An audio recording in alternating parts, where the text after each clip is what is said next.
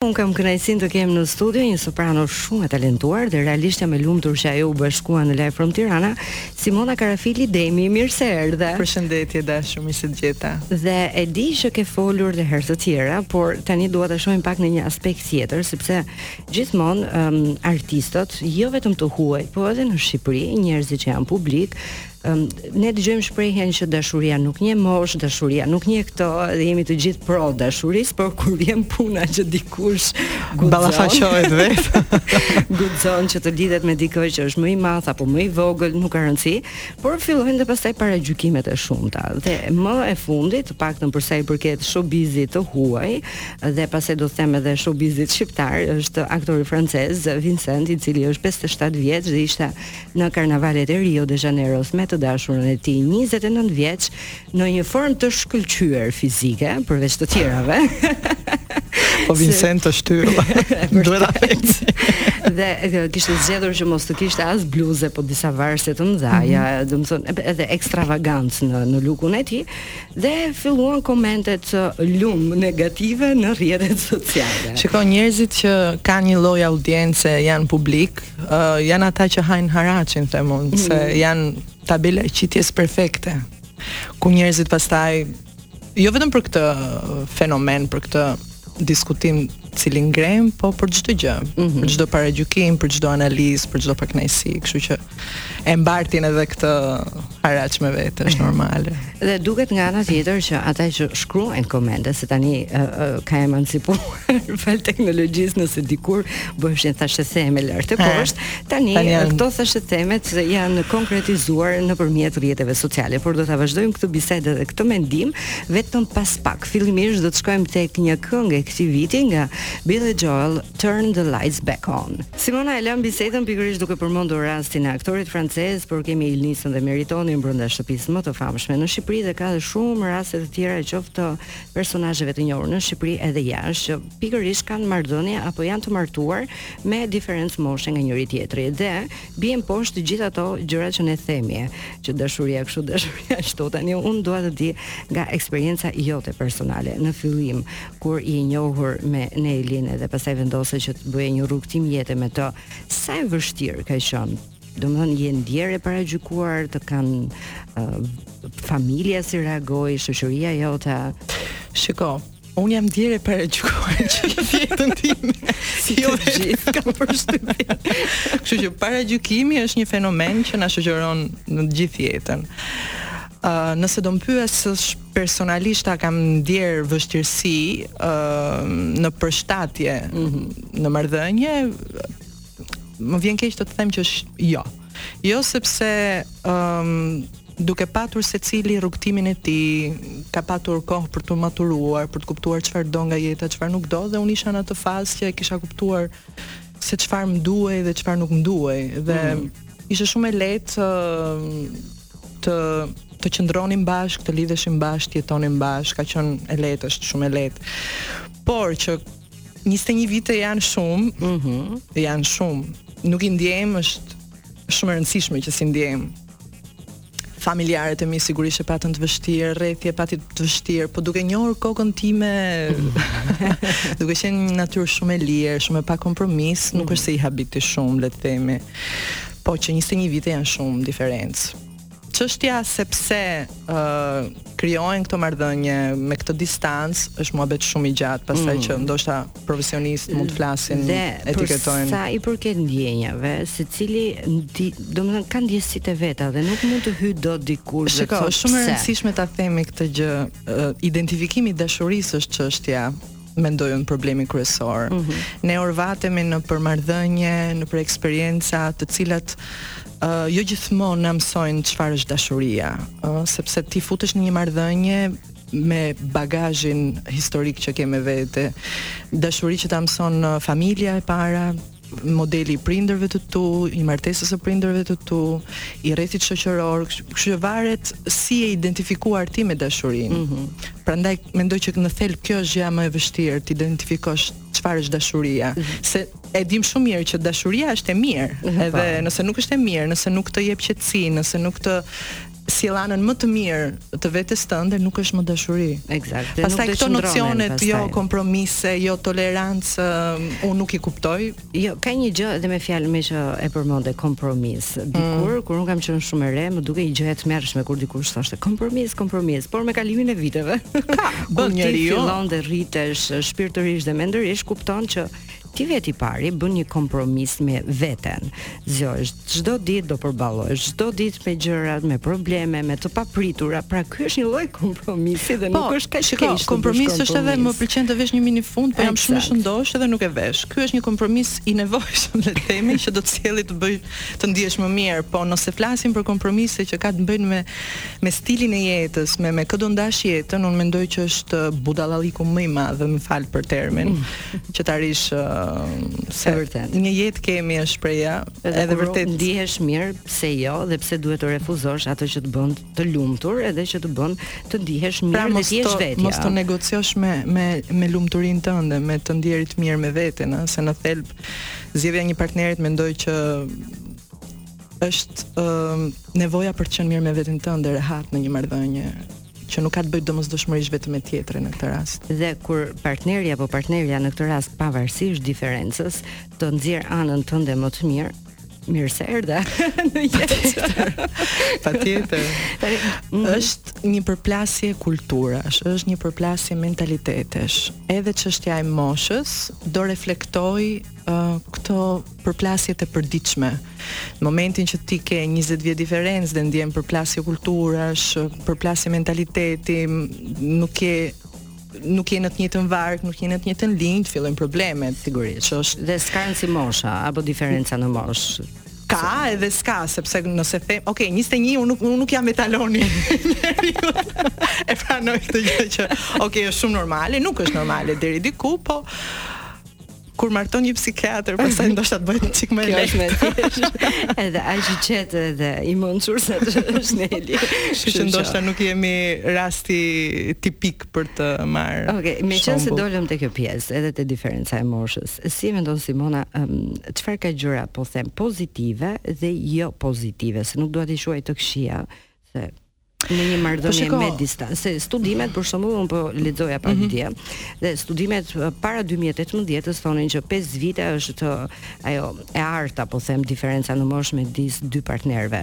Pastaj me kalimin e viteve po pa po se ishte sepse meshkujt ndoshta maturohen edhe femrat më shpejt. Po, edhe duke qenë brenda të njëjtit po them moshë apo periudhë jetese kanë të njëjtin mentalitet, ndoshta kanë të njëjtat vizione për të ardhmen e tyre dhe ndoshta kjo mendoj unë mund të bashkohen. bashkohen. nuk domethënë, nga ajo që unë mendoj është vetëm çështja se si ballafaqohesh ti. Nëse ti 20 vjeç ndihesh 30 ose ke jetuar pra aq shumë, Domethënë varet çfarë i ke marrë jetës, si ndihesh me veten tënde. Unë për shembull kam pas gjithmonë mendimin që nuk kisha moshën time gjithmonë. Ndihesha shumë më e rritur, shumë më shumë më e pjekur emocionalisht dhe po, shpirtërisht. Po, prandaj them që varet në raport me veten si është njeriu dhe pastaj në mënyrën si ndihet me veten, atë do kërkojë edhe do do përpiqet të të gjejë. të ngjashme, no? Të ngjashme. Se e kundërta mendoj që është të çon gjithmonë vetëm në fizikë do të thotë të bashkohen. Mirë, do ta po. vazhdojmë bisedën edhe për um, shfaqjen në Teatrin e Operave që do të kesh së shpejti, por fillimisht do të shkojmë tek një këngë e realizuar vitin e kaluar në 2023-shin është Ariete me Un'altra ora. Simona, tani jam kureshtare të di. Çfarë të ka mbetur në kujtesë në lidhje me gjithë paragjykimet që kanë apo shprehjet që kanë thënë të tjerët në momentin që ti je lidhur me Nelin dhe që kishit këtë diferencë në në moshë. Se ka lloj lloj çudirash dhe kur ti dëgjon për veten tënde, shikoj gjë e parë që ëm um, ai që bën paragjykimin, mm -hmm. prirë të që dëgjojmë herë pas herë është interesi në mes.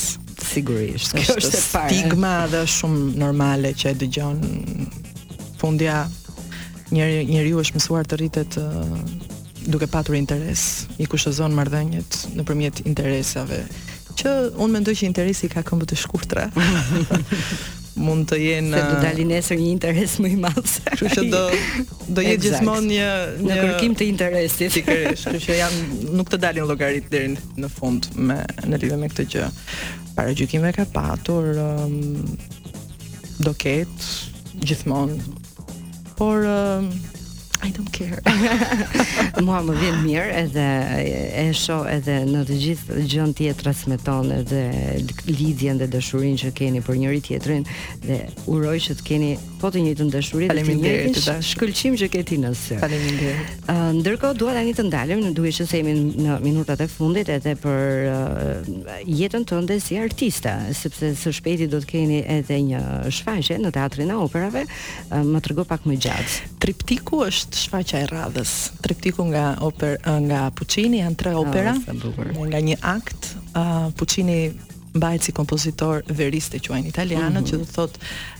të vërtetë real. Ëm pra ai ka shkruar për emocionin më mirë se kurrkush tjetër.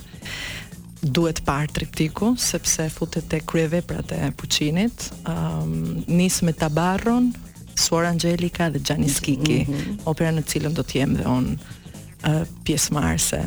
Tabarro është historia e Il Tabarro është manteli, mm -hmm. manteli që mban uh, Michele i martuar me uh, Giorgettën, është historia e një çifti që kanë humbur një fëmijë dhe për të ecur përpara në jetë për të kapërcyer për të mbijetuar njeriu gjen lloj-lloj situatash mm -hmm. dhe mhm. tradhtia në këtë rast është ajo um, drama e kësaj vepre.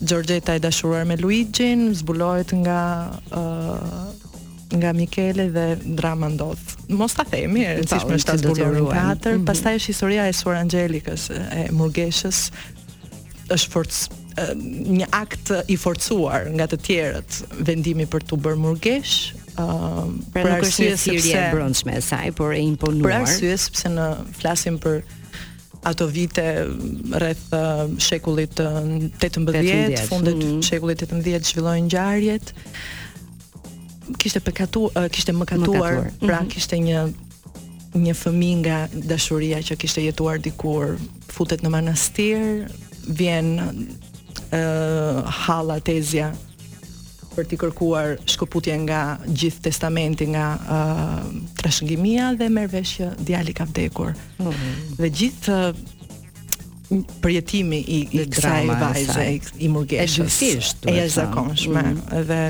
është një ndër kryeveprat e, e muzikës së Puccinit.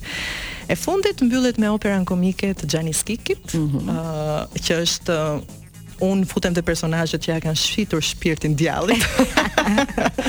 Sepse është historia e një uh, një familje Donati, mhm. fisi mm -hmm. i Donatëve të cilët zbulojnë që kanë humbur uh, uh, kushëririn e tyre Buozon, një i pasur nga Firenze, duan t'i marrin në të marrin të lexojnë testamentin dhe të shohin nëse kanë përkatësi, zbulojnë që ë uh, që Buozo nuk u ka lënë asgjë këtyre të qelburve.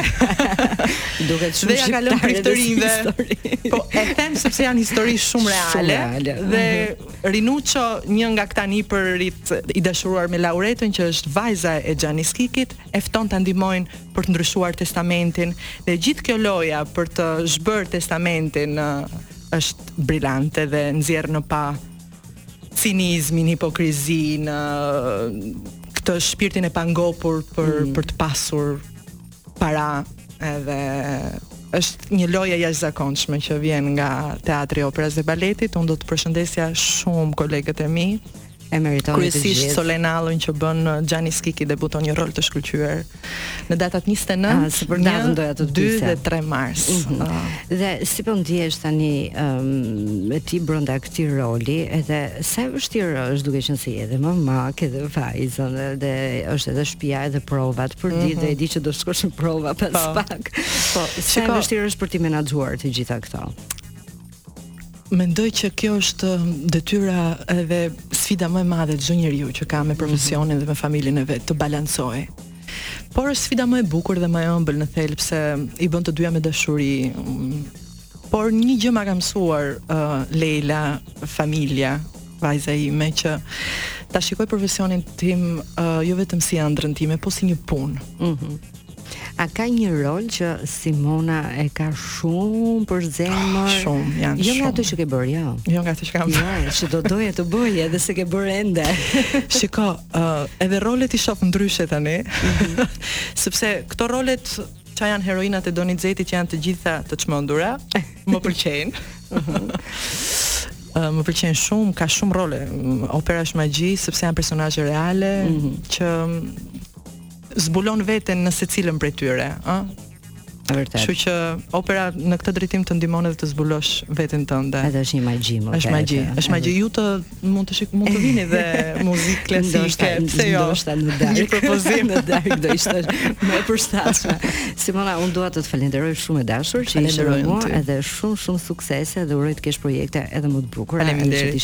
Ishte kënaqësi. Gjithashtu, ndërkohë ne miq do të shkojmë në pak publicitet dhe rikthehemi sërish në Live from Tirana.